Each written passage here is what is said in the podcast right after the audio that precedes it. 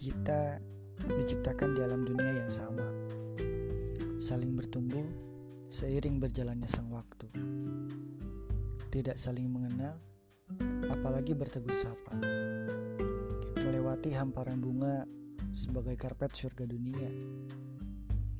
Dalam diam, ku berdoa untuk memperbaiki diri agar kelak dipertemukan dengan sang pujaan hati bukan angan-angan ataupun mimpi, karena semua pasti akan terjadi.